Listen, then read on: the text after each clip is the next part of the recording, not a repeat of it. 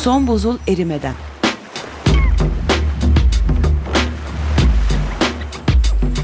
Küresel iklim değişikliğinin bilimsel gerçekleri üzerine.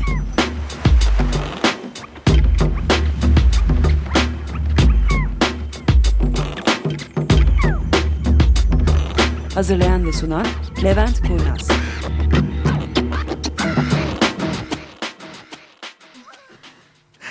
11 Ağustos 2009 zorla bulduk bugünün ne olduğunu ay ay gün gün. Hoş geldiniz bir programımıza daha gülerek başlıyoruz ama esasında kötü şeylerden bahsedeceğiz bir kez daha. Bugün bir kez daha normalde olduğu gibi Berna benimle. Merhaba. Bir de nasıl olduysa Tuğba geldi. Merhabalar. Şimdi e, şikayet geldi Sayın Kayınvalidemden. Sen programlarda hiçbir şeye hazırlanmadık hazırlanmadık diyorsunuz. Ondan sonra şıkır şıkır konuşuyorsunuz. Üçkağıt ediyorsunuz diye. Bugün esasında değişik şeylere hazırlandık ama programla çok alakası yok. Şimdi şöyle biliyorsunuz 6 dereceden bahsediyoruz. 6 derecenin en son derecesine geldik. Yani 6. derece. 6 derece sıcaklık artışı olacak olursa dünyada ne gibi bir iklim değişikliği, ne gibi şartlar bizi bekliyor? Konumuz bu. Tabii kalırsak o zamana kadar. İnşallah. Şimdi burada Tuğba'nın bir sorusu var. Sor. Yani ben kitabı okuduğumda hep geçmişten bahsetmiş. Hiç hani gelecekte 6 derece artarsa ne olacak hmm, diye bahsetmemiş. Ben de onu neden diye sordum hocaya. Neden hocam geçmişten bahsetti? Şimdi, yani e... geçmiş dediğin dünyanın daha önceki daha önce daha alt... önceki evrelerinden değil evet. mi? Tamam. Tamam. Şimdi e, şöyle bir şey var. 6 derecenin ne olduğu modellenmiyor değil, düşünülmüyor değil, planlanmıyor değil ama 6 derece inanılmaz bir felaket senaryosu. O yüzden mi modellemiyorlar? Evet. Ben iyice hayır hayır diye. o modellemiyorlar değil modellediklerinde ne diyecekler ki? Yani ne bekliyorsunuz 6 derecede ne diyecekler size? Artık kutuplar tamamen erimiş. Evet. Kutupların olduğu yerlerde timsahlar yüzmeye başladı. Evet. İnsan ırkının yaşayabileceği mekan çok kısıtlı kaldı. Evet Avrupa'nın ortasına kadar ve Amerika Birleşik Devletleri dediğimiz bölgenin tamamı çöl. Yani 7,5 milyar nüfusun belki 7 milyarı gitti yani. Evet. E vahim bir durum. Adamların morali bozuldu herhalde. Şimdi tamam bundan başka ne denebilir ki? Modelleme Hani şurada fındık yetişmez, burada bilmem ne yetişmesi geçeli çok oldu 6 ya, derecede artık. öyle oldu yani. Şimdi Dünyadan başka bir yer bulmak lazım yaşamak için. Ben e, çok çok garip bir şey yapacağım. Bir bilim dersi veriyoruz. Bilim dersine ben biyolojiyle başlayacağım. Biyolojide oturdum ben bir takım şeyler öğrenmeye çalıştım dün akşam. Herhangi bir noktada ben gördüm mü, gördüysem çok eskiden mi gördüm hatırlamıyorum. Onun için çok basit bir e, kavramdan başlayalım. Bu kavrama taksonomi deniyor biyolojide. Taksonominin ne olduğunu biliyor muyuz? Hocam hatırlamıyorum. Ee, Bilmiyorum. Şimdi taksonomi denen şey şu. Hani biz homo sapiensiz ya insan dediğimiz. Evet. Hani bunun bir üst grubu, bir üst grubu, bir üst grubu var ya hani bunları bir yerlerden. Geçmişe doğru gider. Hayır hayır. Nasıl yani? yani? İşte hani ha, insan maymundan mı geliyor? Hayır hayır insan maymundan mı geliyor? Saçmalığı var yani maymun bir gruptur, insan bir gruptur yani ama bir de... noktada hepimiz işte primatlarız, bir üstünde hmm. memelileriz falan gibi hani yukarı doğru çıktıkça birleşiyor ya. Hmm. Ondan bahsediyorum. Taksonomi o ağaç sisteminin genel adı. Tamam. Şimdi bunda 8 tane e, gruplanma var. Daha doğrusu e, dallanma var diyelim. Bunun en tepesine domain deniyor. Türkçesinde ben başka bir şey bulamadım burada. Sanıyorum Türkçede de böyle kullanılıyor. Onun bir altı alem. Onun bir altı şube. Onun Hayvanlar bir altı sınıf. Evet. Onun bir altı takım. Onun bir altı familya. Onun bir altı cins. En sonda da tür var. Şimdi bunu insanlara insan örneğinde yapacak olursak domain ökaryot. Hocam ökaryot ne diyeceğim şimdi? Ökaryot keşke eşim burada olsa bunlara cevap verir evet, ama doğru. E, çekirdeği olan hücre bildiğim kadarıyla. Ha tamam tamam tamam tamam. Tamam. tamam. Bu Çek, fonksiyonların domainine olan. benzetirsek oradan biraz Hı -hı. anlaşılıyor. Ondan sonra e, alem hayvan, şube kordalı. Kordalı. Gülme. Sınıf memeli, takım primat, familya insangil, cins homo, gülme, e, türde insan. Tamam. Şimdi e, Dolayısıyla hani domain, alem, şube, sınıf, takım, familya, cins tür. Şimdi buna niye geldik? Evet. Ee, bu tabii biyoloji dersi gibi görünüyor. Birazcık geri geldiğimizde anlaşılacak. Genelde her milyon yılda 2 ila 5 familyanın yok olduğu söyleniyor. Yani insangil İnsangil dediğimiz noktanın. nasıl yani? Yani normal evrim, dünya, yaşam, İklim bu şartları. iklim şartları, besin, herhangi bir sebeple. Yani bu doğal bir süreç mi? Evet, normalde yaşam alanlarının azalması, yiyeceklerin azalması, başka cinslerin ortaya çıkması, başka cinslerin daha Adapte olamaması. adapte olması, olamaması bunlarla normal şartlarda 2 ila 5 familya her milyon yılda yok oluyor. İnsan ırkından mı bahsetmiyoruz değil mi? Genel. Hayır, genel bütün Tamam. canlılar aleminde değil. Tamam. Şimdi bu niye 6 dereceden bahsediyoruz? 6 derecede böyle bir giriş yaptık. 6 dereceyi esasında 6 derecede olacak olan şeyleri eski zamanlarda olmuş bir takım büyük Tür felaketlere, kayıpları mı? tür kayıplarına benzetiyorlar. Tarihe baktığımızda son 550 milyon yılda 5 tane gerçekten çok büyük tür kaybı olmuş. 550 milyon. Evet yıl. son 550 milyon yılda.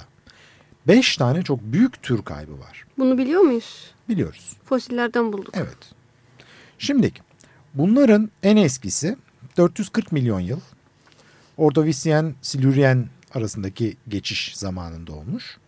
Bir sonraki 364 milyon yıl genç Devonyen'de, geç Devonyen'de. Bu dünyanın geçirdiği evreler mi? Evet. Bunları az çok anlatacağım ne olduğunu. 251 milyon yıl önce Permiyen Trias arasında bir e, tür yok olumu var. Sonra 200 milyon yıl önce Trias e, Jura arasında var. Sonuncuyu da esasında en iyi bildiğimiz e, Kreteze ve Paleosen arasında 65 milyon yıl önce. Bunu herkes biliyor. Dinozorlar. Dinozorlar. Ha tamam işte orası. Şimdi bu peki türlerle ne alakamız var dediğimizde bunların en küçüğü, en zararsızı esasında bizim en iyi bildiğimiz dinozorları yok ettiğini düşündüğümüz türlerin yok oluşu Kretase ve Paleosen arasında. Burada familyaların %17'si yok olmuş. Yani diğerlerine göre daha yüksek bir oran Yok mı? sayıları vereceğim. Ha, tamam.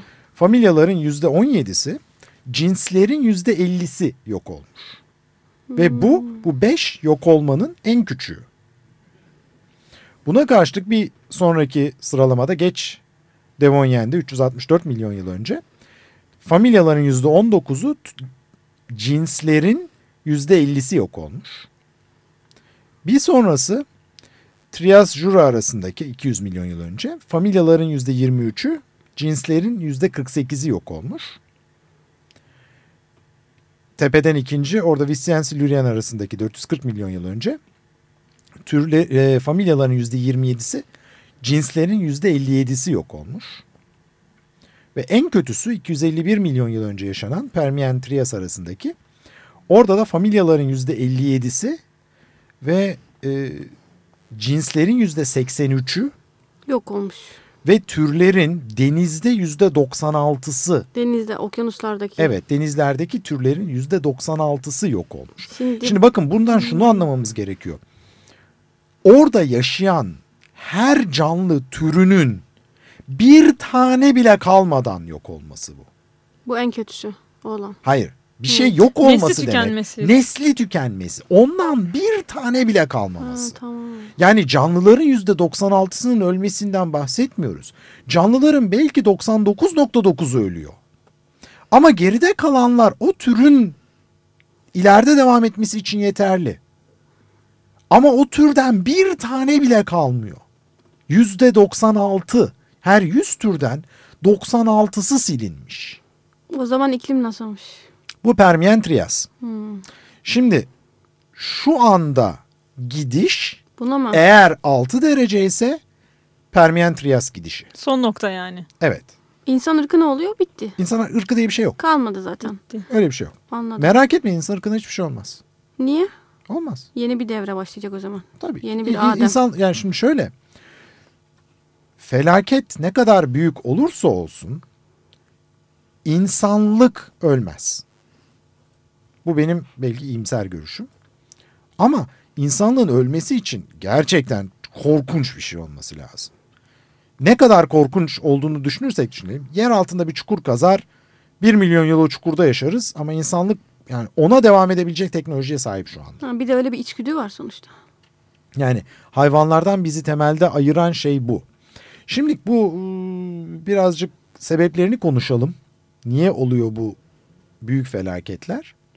Bunların en iyi bildiğimiz, az çok neden olduğunu bildiğimiz bu dinozorları öldüren felaket dediğimiz konu. O da büyük bir meteor çarpmış. Bu sadece varsayım değil mi hocam? Yok varsayım değil. Bu Hmm. büyük bir meteor çarpmış. Şimdi bu konuştuğumuz konu tabii eski zamanlarda biz ilkokulda, ortaokulda falan okurken işte dinozorlar niye, nasıl bilinmeyen bir konuydu. Yani en azından ben ilkokulda okurken kesin bilinmiyordu. 1980'lerin başında Luis Alvarez diye bir fizikçi, hiç konuyla alakası olmayan bir fizikçi ortaya çıktı. Dedi ki dinozorları ortadan kaldıran şey dev bir meteorun, meteorun çarpmasıdır. Bu hesaplamasını mı Hesaplama değil. Adam gayet deneysel olarak aha işte şurada diye de gösterdi yaptı? Ha, tamam. yerini. Gösterdiği yer Meksika'da e, Chicxulub diye bir krater. İşte budur dedi. E, zamanlamasına her türlü şeyine bakıldığında evet dinozorları yok eden olay orada. Ama şöyle bir şey var. Dinozorlar çok uzun süre yaşadılar. Yani dinozorlar ah tam ben konuşurken ekranım gitti tabii yaşasın. Ee, yaklaşık Kretaz zamanının içerisinde o da 140 milyon yıl 65 milyon yıl gibi bir zaman hüküm sürdüler dünyada. Onların böyle birden hop deyip yok olmaları diye bir şey söz konusu değil. Değişiklikler yavaş yavaş olmaktaydı ve bu değişikliklerin sonunda bir noktada artık dayanamaz hale geldi dinozorlar. Ama şu an günümüzde bu karbondioksit salınımı ve ısıyla ilgili olan olay çok hızlı gelişiyor. Tamam. Şimdi bir müzik arasına girelim sonra devam edeceğiz.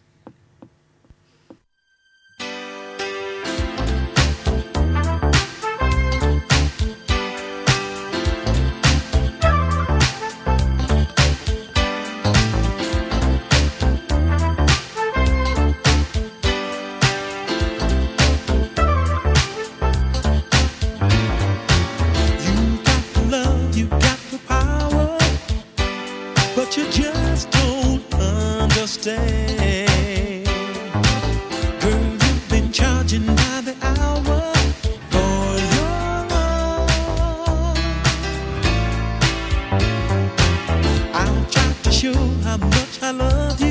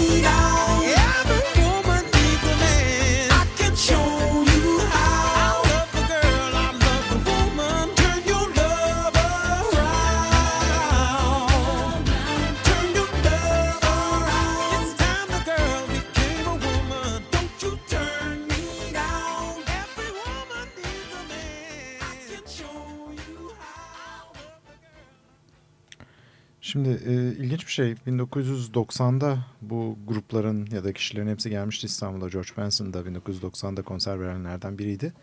Aynı zamanda Santana da aynı sene gelmişti. Aradan uzun süre sonra her ikisini de dinledik bu sene İstanbul'da. Turn Your Love Around.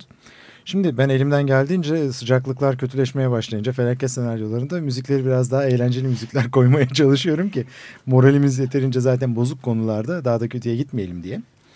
Şimdi e, arada herkesin sorduğu ya hocam bu kadar tatil şey e, tarih anlattınız anlattınız da bunun iklimle ne alakası var şeklinde.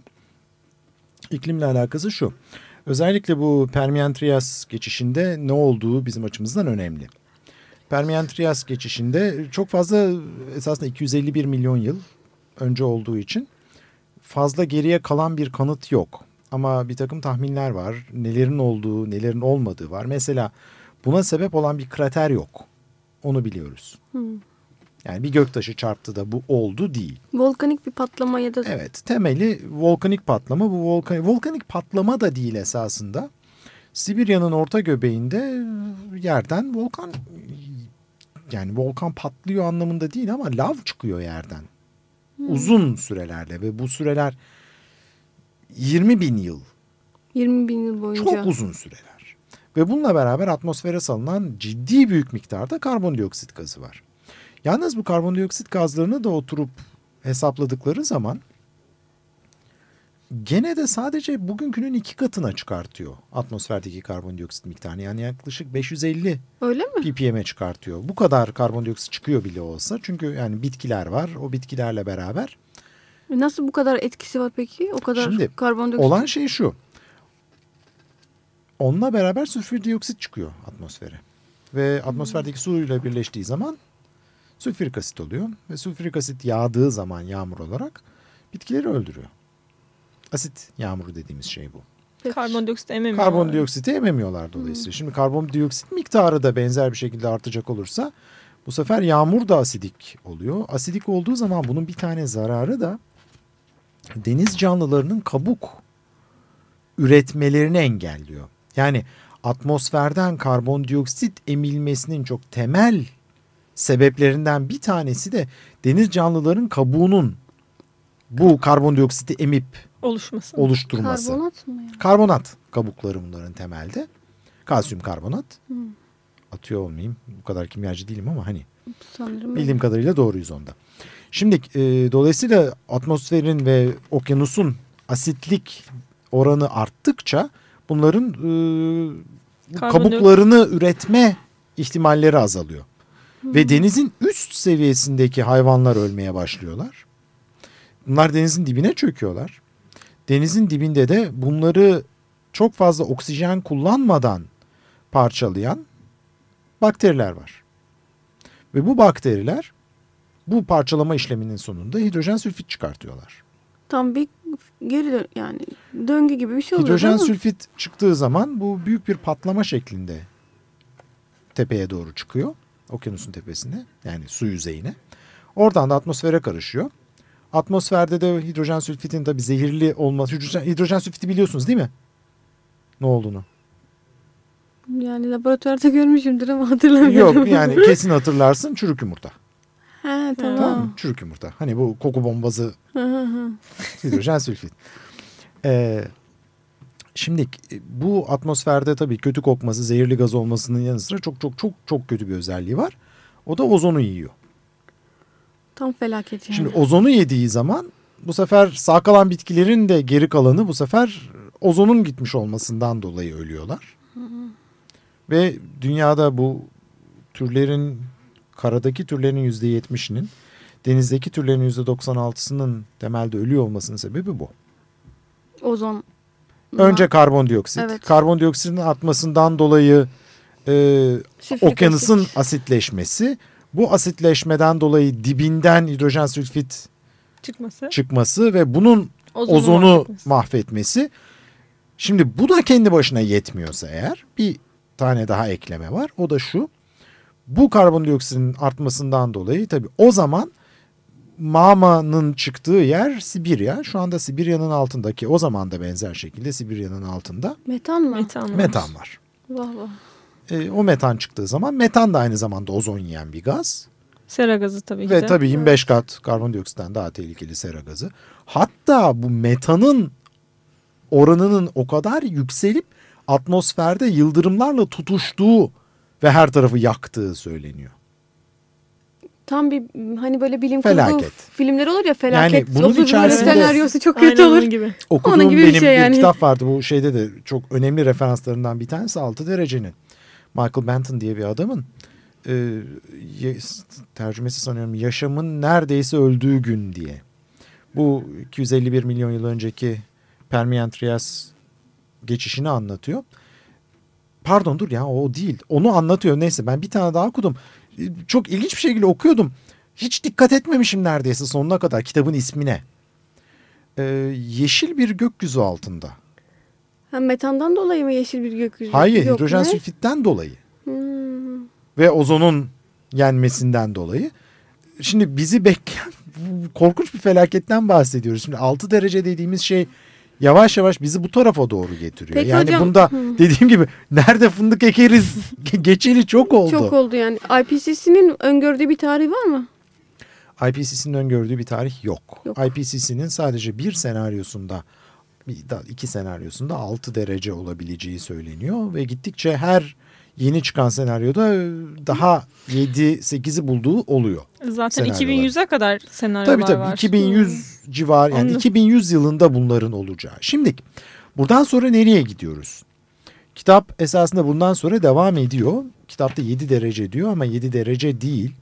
Şunu konuşacağız gelecek hafta. Biz neredeyiz? Nereye gideriz? Ne yaparsak nerede durabiliriz? Ya da durabilir miyiz? Nerede durulması makuldür? Çünkü biliyorsunuz en son bu G8 zirvesinde alınan bir takım kararlar var. Bu kararlara göre bir hedef belirleniyor ve o hedefin üstüne çıkmamamız lazım deniyor. Bunu pek çoğumuz okuduk gazetelerden, televizyonda seyrettik ama o hedef niye orada? Yani niye 2 derece? Niye 450 ppm? Niye 550 ppm? Niye 3 derece en fazla? Bunu konuşacağız gelecek haftadan itibaren.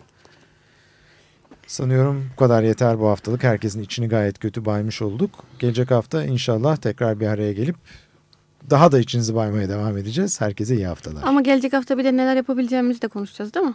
Ee, yapacağımız bir şey yok. Hocam bir hafta hiç olmasa iyi geçseydi. Görüşmek üzere. Görüşmek hoşçakalın. üzere. Hoşçakalın.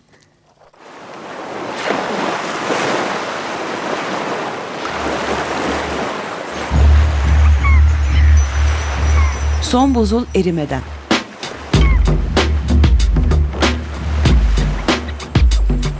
Küresel iklim değişikliğinin bilimsel gerçekleri üzerine.